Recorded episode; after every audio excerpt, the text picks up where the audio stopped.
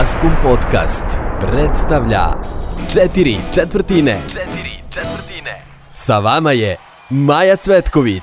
E, dobrodošli u četiri četvrtine. Nećeš verovati da se podcast zove četiri četvrtine. I svi pitaju kao, pošto nije sedam osmina, ne znam je tri četvrtine. Pa zato što je četiri četvrtine naj, najteže da se izgovori. Aj, Taka, taka, taka. ovaj, kaži mi, e, kako si, šta radiš? Sa nama je, ko ne zna, DJ Pepe. E, za srpsku javnost poznati kao DJ Rere. Znači, Dobro, ali, ali kaži, kaži puno ima i prezime, to niko ne zna. Ma, puno ime i prezime Pero di Reda, a, tako mi piše na ovim socijalnim medijima, ove, onda ljudi mi, e, me startuju kao, ja, super ti je ovaj pseudonim, jel ti to kao neki drugi alijas pod kojim nastupaš?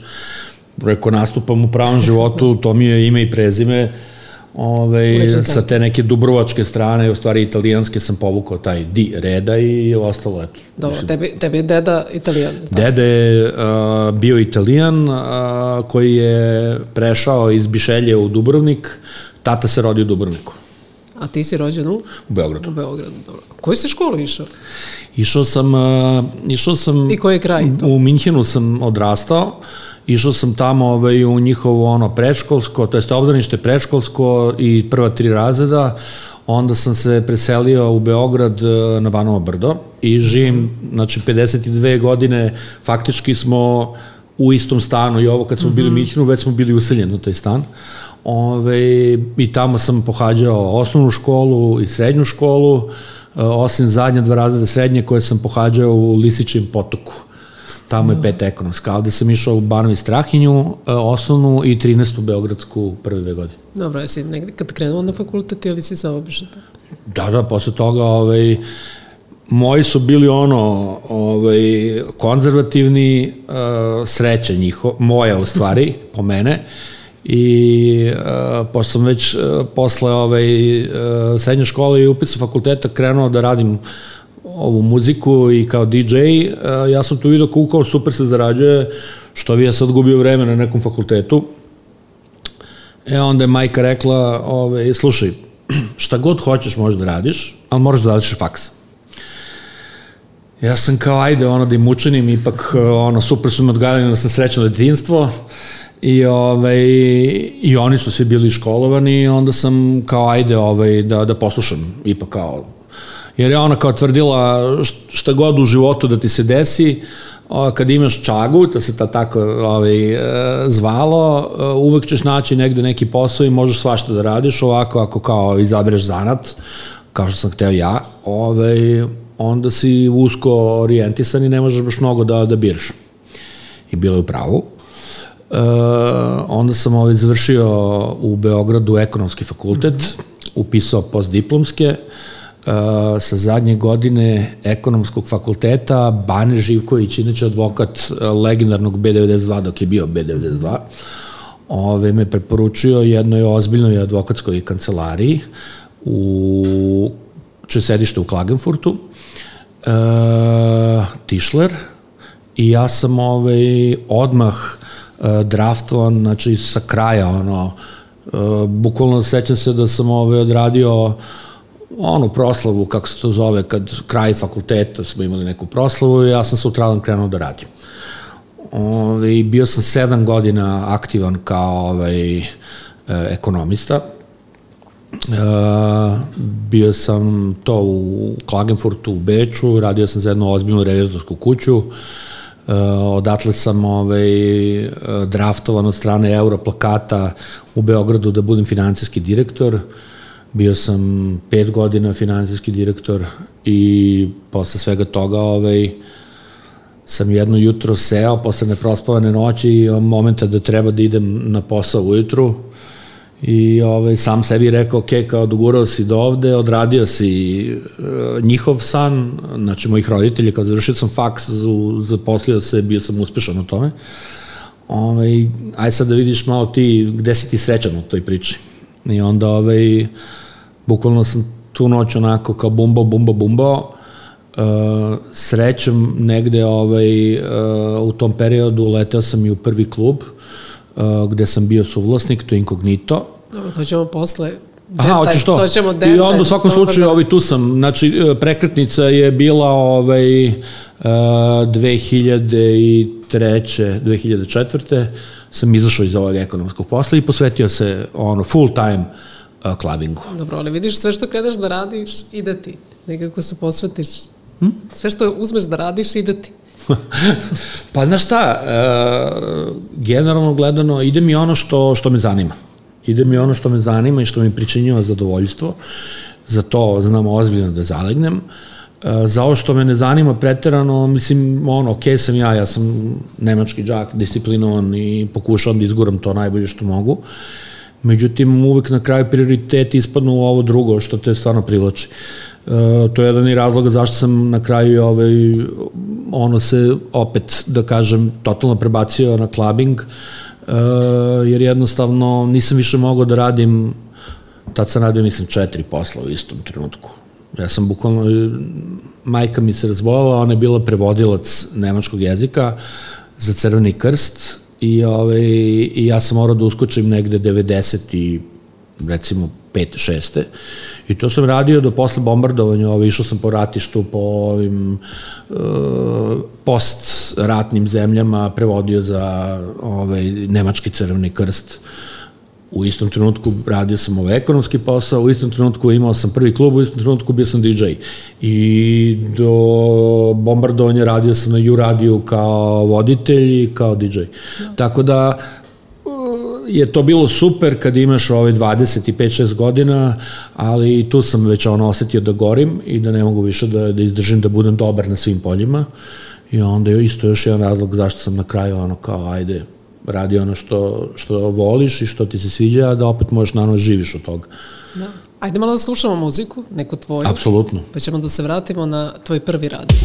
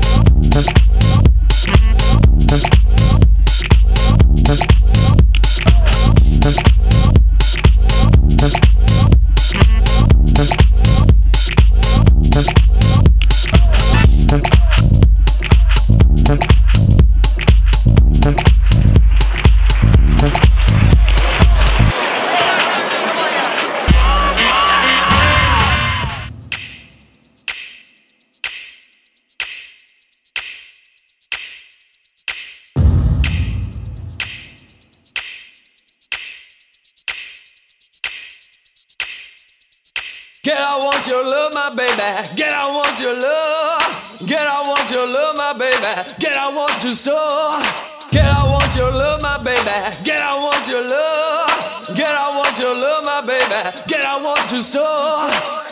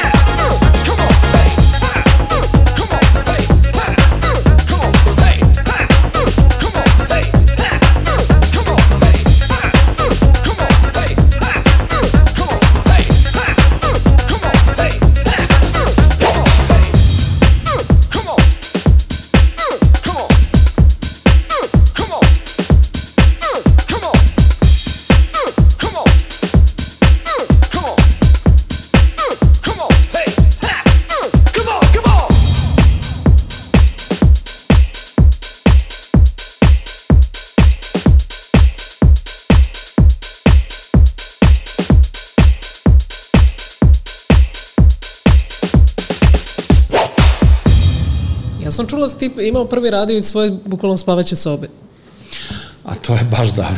Pa, to me interesuje. To je, pa da, ovaj, e, kad sam se vratio iz Nemačke u, u Beograd i krenuo u Bano i Strahinju, e, 84. godine sam otkrio e, tada likove koji su završavali Bano i Strahinju i već ono spremili se da upišu uglavnom 13. Mm -hmm. koji su tad slušali neki italo disco, disco, što onako nije baš bilo nije to bila mainstream ekipa, jer mainstream je tada u Beogradu bio rock and roll. Ono, Cure, Cult, uh, ACDC, šta god je, no. ono, i malo ovaj novi talas 80-ih je već krenuo to uveliko da udara. A disco i, i ovaj, italo disco je bio ne baš na margini, ali ovaj, kao smatralo se, ne seljačka muzika, ali kao, nije baš muzika koja se pušta na svim žurkama. Međutim, meni se to uvek sviđalo i ovaj, provalim tu ekipu. Oni me nekako prihvate, iako sam bio ovaj, dosta mlađi od njih.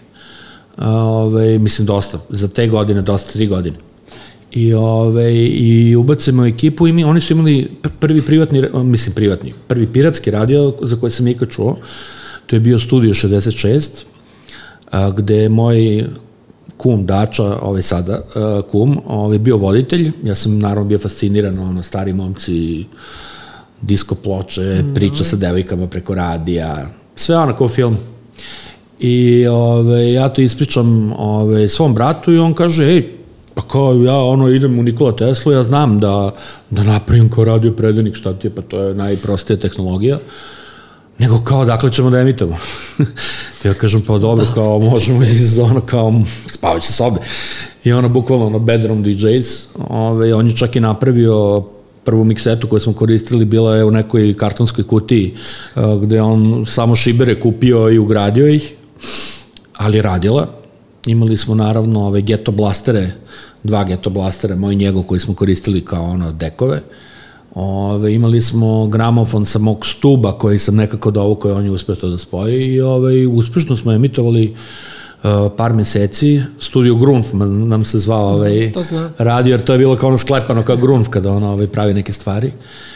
E, do onog trenutka dok se ja nisam zanao ovaj, i rekao moj kućni telefon u eter. Ove, što kao za muzičke želje.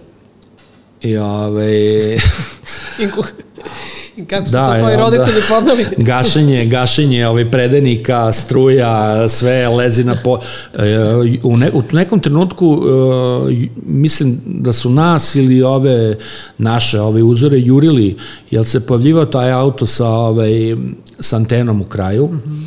i o, viđali smo ga više puta, tako da mislim da Ja znam da su nas slušali, recimo sa Banovog brda su nam se javili ljudi na toj legendarni ovaj 011 5544490. Ovaj javljali su se ovaj ljudi sa Novog Beograda kao muzičke želje, ovo ono da popričaju. Jer tada je bilo možda ono, nemam pojma, 6-7 radio stanica koje možeš da uhvatiš, ono, Radio Beograd 1, 2, 3, na 202, Studio B, Tako da ovaj, je bilo super to kad uleti neki piratski radio koji uhvatiš i onda je to bila onako svežina jedna. Tako da, da, ovaj, prvi radio je bio ovaj, u spavaćoj sobi. A kad je došao Ju, Ju radio, to je već malo bilo zbiljnije. pa Ju radio je došao dosta kasnije. To je neko vreme Soulfly-a. Uh, soul, Soul, soul, soul, Fooda, Fooda, ja sam i dalje u Soulfly, muzici, ti si da. ono... ja, ja sam u kavaleri.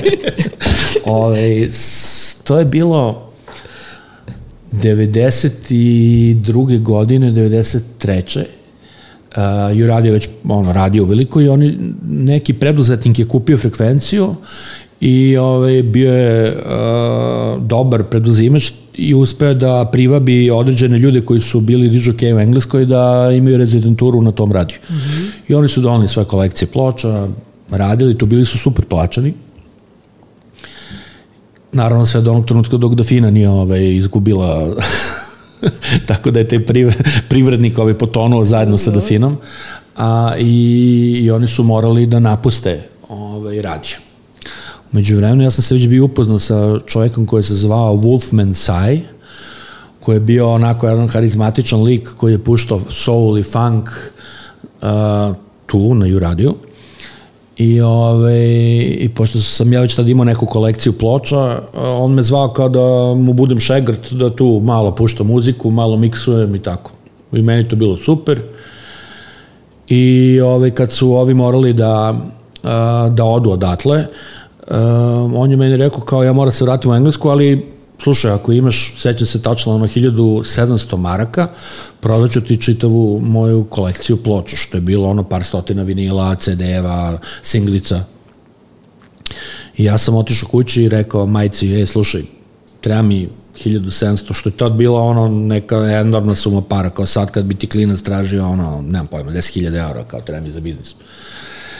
Jer je već krenulo ono 90. kriza i ona kaže si siguran da hoćeš time da se baviš, da to ono, da ćeš od toga uspeti da napraviš ovaj, pare da živiš, da, da ono privređuješ.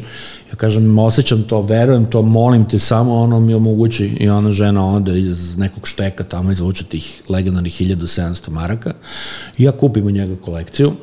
Ja sam možda tad imao 50 nekih svojih vinila, mahom disko muzike. A kako si dolazio do, do vinila u to Do vreme? vinila? Da. Pa ja sam ostao putovao ovaj, zbog te povezanosti sa Minhenom. Mm -hmm. uh, majka isto radila nešto u Sloveniji, u Klagenfurtu, u Austriji. I onda to je bilo interesantno, oni su kao meni davali džeparac da ja mogu da kupim ovaj, ono, tipa neku garderobu ili neku knjigu, jer su uvijek terali da kupujem knjigu i stripove na, na nemačkom da bi mi to ostalo, da bi non stop čitao i slušao nešto, da bi mogo da, da budem aktivni ono nemac, ono da govorim nemački jezik. I ovaj, ja sam to sve štekao i kupovao ploče. I ovaj, sad kad si sabrao tu kolekciju novu i tu staru, Da, kad sam to sve spojio, ovaj, mene su pronašli ovi pravi vlasnici radija na radiju, kao neko klinca koji tu nešto radi.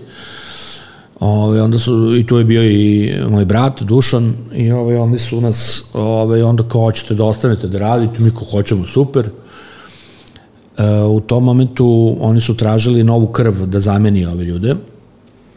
Ove, meni su dali autorsku emisiju koja se zvala Harlem Renaissance, koja je išla nedeljom od 6 do 9. A Duli ja smo vodili Jungle Fever četvrtkom od ponoći do 6 ujutru, koji je bio talk show koji je, ima jako osnovi u muzici. E, istovremeno Integra, Mark V, Strob, Vlada Aj, e,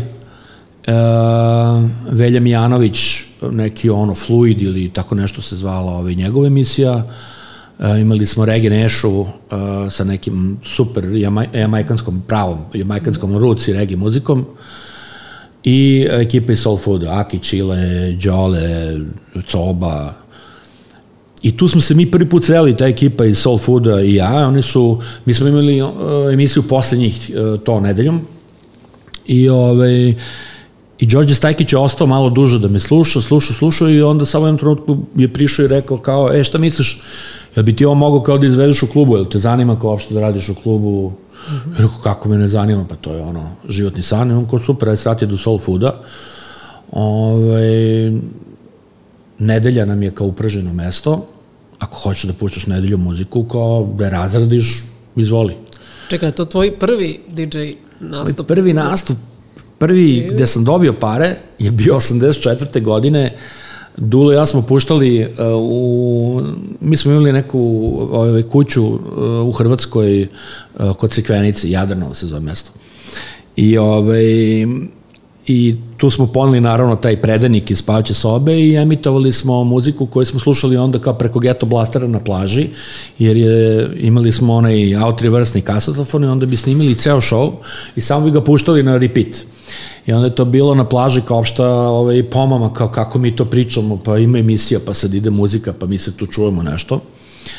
I, ove, I onda smo nas ljudi iz opštine, u stvari mesne zajednice, draftovali da budemo dižokej na nekoj futbolskoj utakmici. I mi smo stvarno bili ovi dižokeji sa tim geto blasterima na, na toj futbolskoj utakmici. To nam je prvi kao zvaničan gig gde smo dobili pare za to. A, ove, a posle toga smo radili u Domu omladine pre Soul Fooda, uh, Dom omladine St. James klub. Da Uh, isto je bio neki ono uh, loš dan, tipa četvrtak. Ali smo mi imali toliki follow-up tada, ono društvo koje se skupljaju, mi, mi smo mahom i puštali na tim našim internim žurkama, ono, rođen, neko pravi, zove nas kao DJ-a, bilo koja žurka koja se desi, mi puštamo muziku. Dobro, čekaj, Tako od tada datira poznanstvo sa Pukijem, jel da? E, Puk i ja smo se tačno upoznali 92. godine na stepeništu Doma omladine. pamti, On je ovaj, išao u veliku halu da radi, ovaj, mislim se taj klub zvao o bože, mm, Fuzija. E, moguće. Fuzija. Da. A, ove, ovaj, a ja sam išao levo u malu, ove, St. James. Da, u St. James. I tu smo se upoznali, on mi je prišao i kao, e, kao, čuo sam te, bio je na nekoj žurci, ovo, ono, super ti je muzika, da daj, kao, počeo stratim na piće i tako i bi, tako smo se tu, eto, upoznali, onda posle još na radiju, bio je par puta gost i onda smo i zajedno čak uh, počeli da vrtimo muziku na istim mestima i onda već to ostala istorija. Ajde ništa da slušamo još neku muziku po tvom izboru. Važi.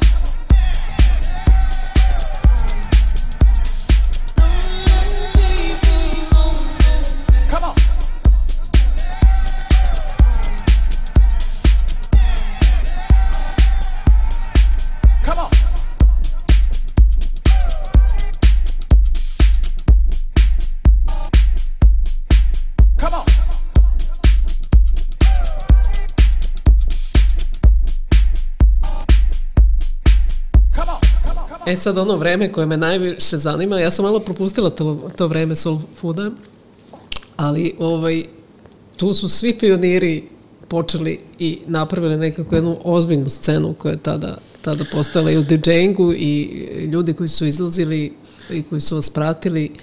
Kako je to izgledalo? Znaš šta, soul food je za našu generaciju bio ono otkrovenje. Uh, pre toga postojala i Buha i ono letnji Partizan, letnja zvezda, što su sve bili respektabilni klubovi. Ali nekako uh, soul food je bio usko orijentisan. Znači tu je stvarno moglo da se čuje najnoviji pravci tadašnje muzike bez mnogo koketiranja sa publikom.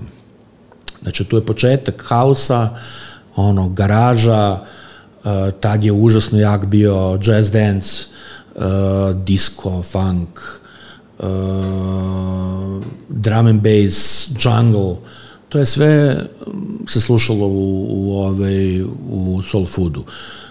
Prvi koncerti Rambo Amadeusa, Da, da, to su se tu da kažem, desili- Sve si nabrao što trut voli. Da, da, da. dobro, to je Trut, e, Rambo, ja se sećam neka postavka njih četvoro, ono, i cepaju neki funk, ono, ubi Bože, i to traje, i traje, i traje.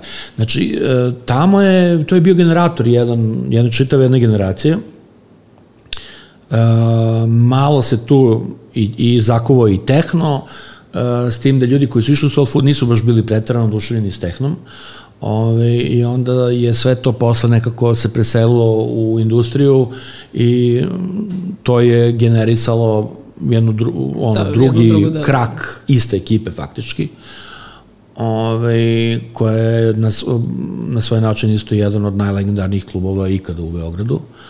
Ove, tako da nije bilo mnogo klubova, ali je bilo klubova gde su stvarno ljudi dolazili zbog muzike.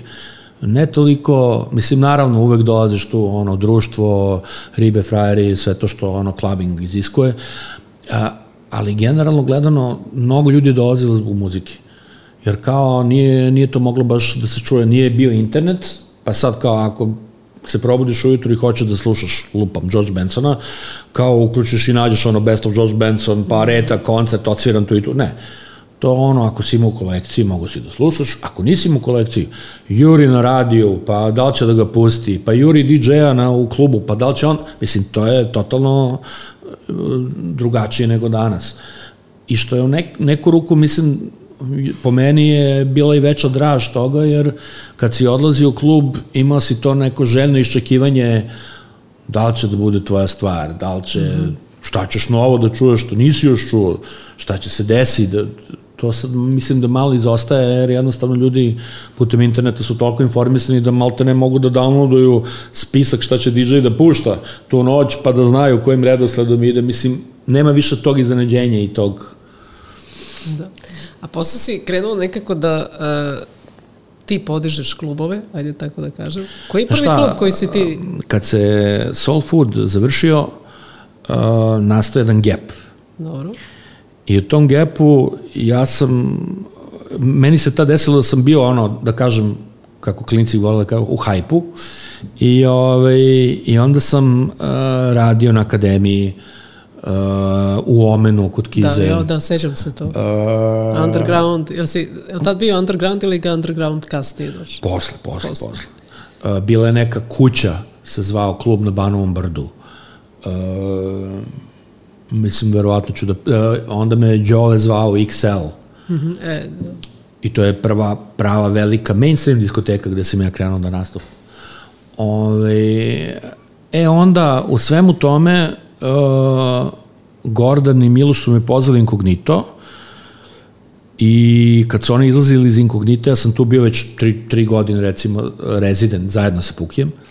Ove, ja sam pitao da ono, preuzem klub, oni su se složili i ja sam bio onda dve, tri godine suvlasnik inkognita. I ove, to je prvi projekat. Dobro, i Ove. kako ti je išao taj projekat, mislim, s poslovne strane? Pa znaš šta, išlo je odlično. Mislim, to je ono, Taj klub je uvijek bio pun, koliko ja to je znam. bio ozbiljan klub, uh, on je primao možda ono 120-130 ljudi, ali to znači da svi stoje jedni drugim na glavama. Kad je toplo vreme, bilo je puno to neko gvozdeno stepenište koje je vodilo do njega. Ove, znači, ljudi su stali napolju. E, bila je neka fuzija e, funka, diska, neke komercijale, ali opet to ništa ne liče na ovu komercijalu danas. Nama je komercijala tad bio uh, Fly Robin Fly. Staying Alive i tako. Ove, I onda sam uh, uspeo da se dogovorim sa Markom Nastićem i Dekim Milićevićem da oni imaju recimo sredu, MKDSL je tu počeo, imao je uh, sa Jekličkom motokultivator mm -hmm. neki projekat koji je bio recimo ponedeljkom, imali smo nedeljom valjda neki tre, trends dan, uh, Inkognito radio 7 dana u nedelji i bio relativno pun to. O, petak, subot, četvrtak, petak, subot je bio prepun. Ali ovim oslednim danima su tu ljudi dolazili. I, ove, I sećam se stvari, najbolja scena je bila kad je bilo bombardovanje i, ove, i onda su zabranili kao ono noću da se izlazi, noćni život, d, d, d, ali nije bilo zabranjeno preko dana. I onda smo inkognitu pravili žurke, ono, pod bombama, pod, pod sirenama i znam jednom je BBC neki kamerman ušao sa voditeljem inkognito pun do iznemoglosti, vrućina neka, neki letnji dan i svi vrišta ono kao party, party, je pušten James Brown i sad tu ima taj deo i ovi ljudi u šoku totalno.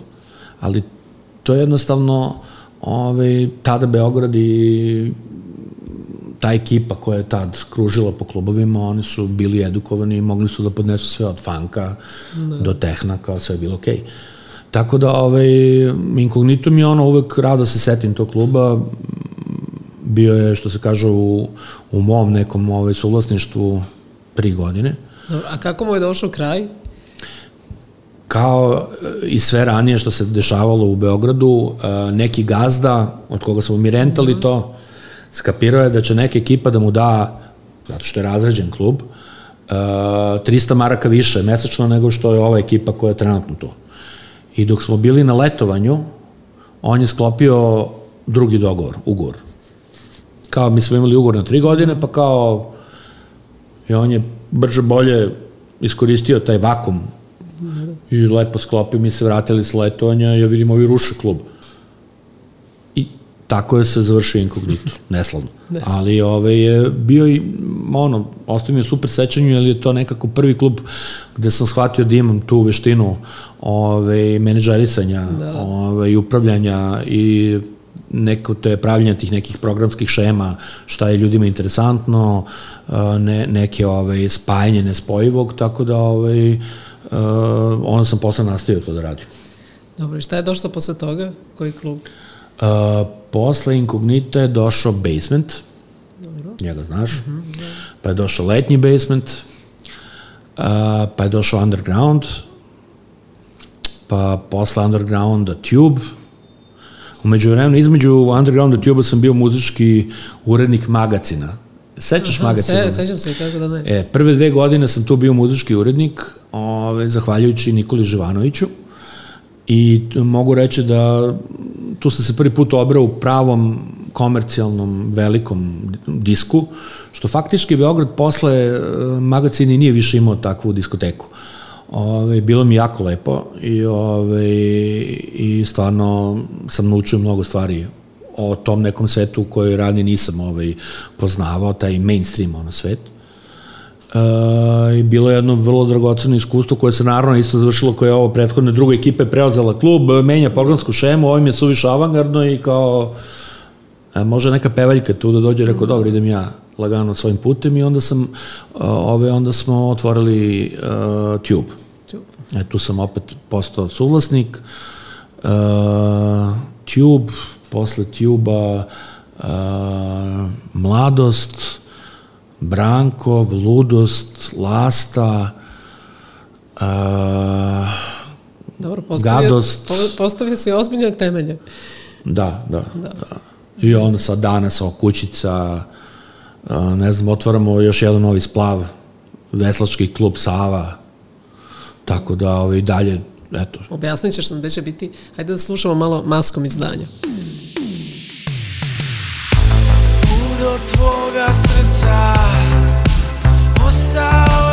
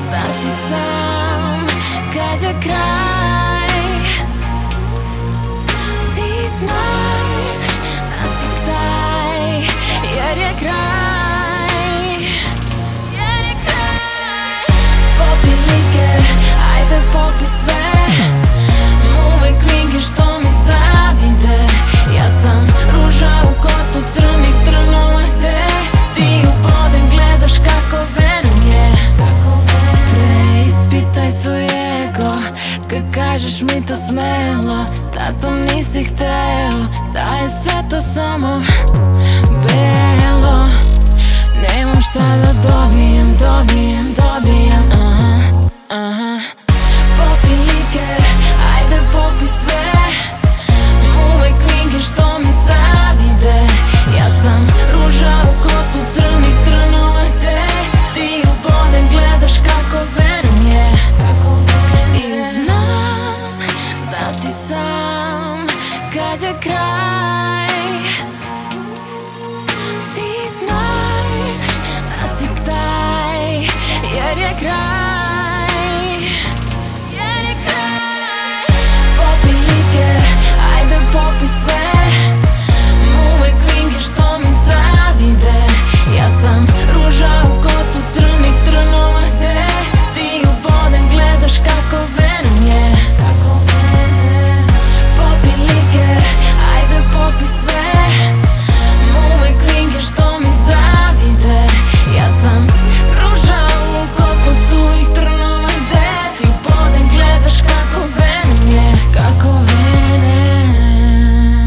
Pepe, reci mi, e, kad, e, kad si DJ, koji ti je najbolji nastup koji si imao? Ne mora da bude uopšte ono nekog komercijalnog tipa. Ja znam da si ti po after partijima nekih poznatih muzičara puštao. Tako da šta ti je bilo nekako da je tebi ostalo baš najdraže? Pa to što si spomenula možda to je kao ajde, nije meni ostavio super utisak taj after party John Miroquaja koncerta gde ovaj, je on toliko bio oduševljen sa mojim nastupom da je Gde se to pozvao dešavalo, čekaj? E, letnji basement gde je pozvao ovaj, mene i Pukija i celu ekipu koja je bila tu sa mnom, da, da ga pratimo sutradan ovaj, na koncertu u Sarajevo i da ja budem DJ posle tog koncerta i u Sarajevu. Jer kao obično ga odvedu u neki klub gde ljudi ono, pu, mahom puštaju neku muziku koja uopšte nije u skladu sa njegovom muzikom i onda se oni dosađuju i kao a ovde mu je bilo ovaj, fenomenalno i kao super se proveo i tako džuskao sa ljudima na podijumu. A čekaj, šta si mu puštao? Hm? Se sećaš šta si mu puštao? otprilike? Ono, disko, klasičan moj neki disko set u to vreme, što sam malo, malo prošao sa funkom, malo prošao sa afrofunkom, Ove, mislim, znam tačno koje su ploče, uh -huh. ono, sad kad bi imao tu svoj case, mogo bi da ih, da ih izvučem. Tako da, i... A od komercijalnih nekih nastupa, ajde tako da ih nazovem. Pa od komercijalnih nastupa, ja sam u jednom trenutku nastupao to pet puta nedeljno. I ja ono, Ne znaš u kom si gradu. ne, ni ono, toliko žurki, ali ono, uvek pamtim ta neka jutra. 6-7 na moru, na Mogrenu, mm -hmm. ove, gde smo 2000 te Pukija bili ovi rezidenti, svako, svaku noć smo puštali muziku, pa ta jutra, ono, kad, kad kreće sunce, kad ono, ima 2000 klabera pred tobom, to je fenomenalno. Ili velike ove žurke što je Filip Moritz radio na sajmu, sećam se da je jedna imala 17.000 ljudi. To je bilo onako impresivno kad vidiš ispred sebe 17.000 rejvera koji ono, klabaju, to je stvarno onako doživljaj, ta energija je ludačka. Tako da to su neki ono, ovaj, momenti koje čovjek zapamti za ceo život. Da. A kako si proveo ovu koronu u smislu kao vlasnik klubova, kako, šta si radio? Sad kreće horor Da, program. da, za ove Dragi lepo, slušalci, sad idemo- ulazimo u zonu sumraka. Pa znaš šta, ovaj, generalno gledano užas Čekaj, zato što... u koroni koliko si e, imao uh, klubova na... Pa ako brojiš onu zgradu e, gde imaš to mladost, ludost, radost, gajba, taman, uh, tu ih ima šest, lasta sedam, kućica osam, uh, eto, to su osam Dobro. klubova i jedan restoran, ovaj, Bistro Mali pijac, opet pogođen, naravno, sa celom I ovom pričom. šta si... E, Brankov, Da. da. vidiš kako sam zaboravio. Ove, tako da, Šta si pa... crni ti radio? Uh, znaš, mi smo se non stop nadali kao država će nešto da nam pomogne.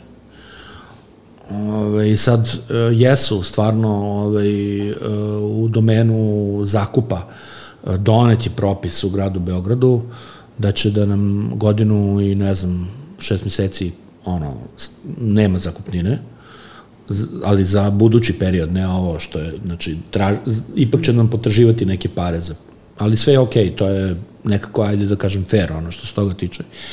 Ali mi smo i zadržali ovaj dosta ljudi da rade uh -huh. i onda su bile te neke pomoći, sad neko ko nije ekonomista, on bi rekao, u, kao, super, onaj ko je ekonomista shvatit će da je to u stvari jedna, ajde da kažem, onako, šarena laža. Da ti se obavezuješ na nešto, kao uzimaš neku sitnu pomoć, a u stvari ti se kamen oko vrata je sve teži i teži i na kraju opet spada na nas da glumimo socijalnu državu. Hvala Bogu, nekako ovo se završilo, ovaj, bar za sad. Da. Uh, uspeli smo da jedan deo ovaj, zaposlenih koji su morali da budu otpušteni vratimo sad ovaj, na posao. Uh, mahom su nekako svi se i vratili, čak i sa nekih pozicija gde su našli neke nove poslove, vratili su se kod nas ovaj, da rade, što mi jako drago, što je neki kao ono pozitivan impuls da ipak nešto radimo kako treba. I ovi, nadamo se da će sad ipak uh, da krene na bolje, da možemo da stignemo to što, što se očekuje od nas da nekako ove, zatvorimo sve te lupove koji su otvoreni tih godinu i dva meseca, tri, koliko oni moglo da se radi. I, ove, i da će mislim sad je stvarno super. Ljudi su krenuli da izlaze, puni su života, žurke su fenomenalne i jedna velika stvar, shvatili smo da može clubbing da funkcioniše od 8 do 1. Što je fenomenalno. To je najbolja stvar od cele korone je to što smo shvatili da noćni život može da se odvija u periodu od 8 do 1. Dobro, to smo shvatili tokom bombardovanja. Da duše shvatili smo do 8. Se sećaš tog vremena kad sam, ja sam premišljala industriju, ne znam šta si, se ti radi. šta, e, to je bilo do 8. Ovo je već u noći. Sad ko hoće da nastavi dalje, slobodno. After hour klub ovde, after hour klub ovde, idi dalje. Ali smatram da ono ljudi da bi mogli normalno da funkcionišu, Tako je. ono bi trebalo da granica bude 1-2 maksimalno da bi ti mogao da se, odeš kući, da se smiriš, da ono, jer adrenalin ti e, pumpa od klabinga, od svega, od to susreta s ljudima, pričom, šta god doživiš, i onda imaš vremena od 3 do 9 da se ipak odmoriš i da sutra funkcionišeš normalno. Ovo, kad se preguliš do 6 ujutru, dođeš kući, onda ne možeš da spavaš, pa onda, mislim, to ono, nikom nije dobro u celoj priči. Tako da, ovaj, nadam se da će ljudi malo da i da svi krenu da razmišljaju nekako u tom pravcu. Ove, ja sam pričao i sa ostalim nekim vlasnicima velikih klubova. Mi hoćemo da pokušamo tu neku inicijativu, evo sad kao svi smo se dogovorili da radimo do jedan i pa ćemo da vidimo šta će se desiti. I za kraj kažem, i pomenuo si tu neko novo mesto što ćete da otvorite. Kakav je plan? Veslački klub Sava. Dobro. Pa Gde je tačno? to je sve na sajmu. Sva četiri kluba vodena su na sajmu. Ove, ovo je mali klub, prima do 200 ljudi, uh, u stvari je, da kažem, ajde, više bar, upscale bar nego klub, ali ima klubsko ozvučenje, imaće DJ-a, znači nije obavezno da bude žurka, a može da se zakuva žurka i namenjen je stvarno starijoj ekipi. I muzički će naravno to da bude ispričano na taj način. Dobro, kad je, se zna kad je otvoren ili 15. jul. 15. jul? Dobro. Hvala ti puno što si bio. Hvala vama. Gost. Bilo mi je super da se podsjetim nekog vremena, ali dobro, Kucamo na vrata zaboravljenih kasava. Četiri četvrtine. Četiri četvrtine.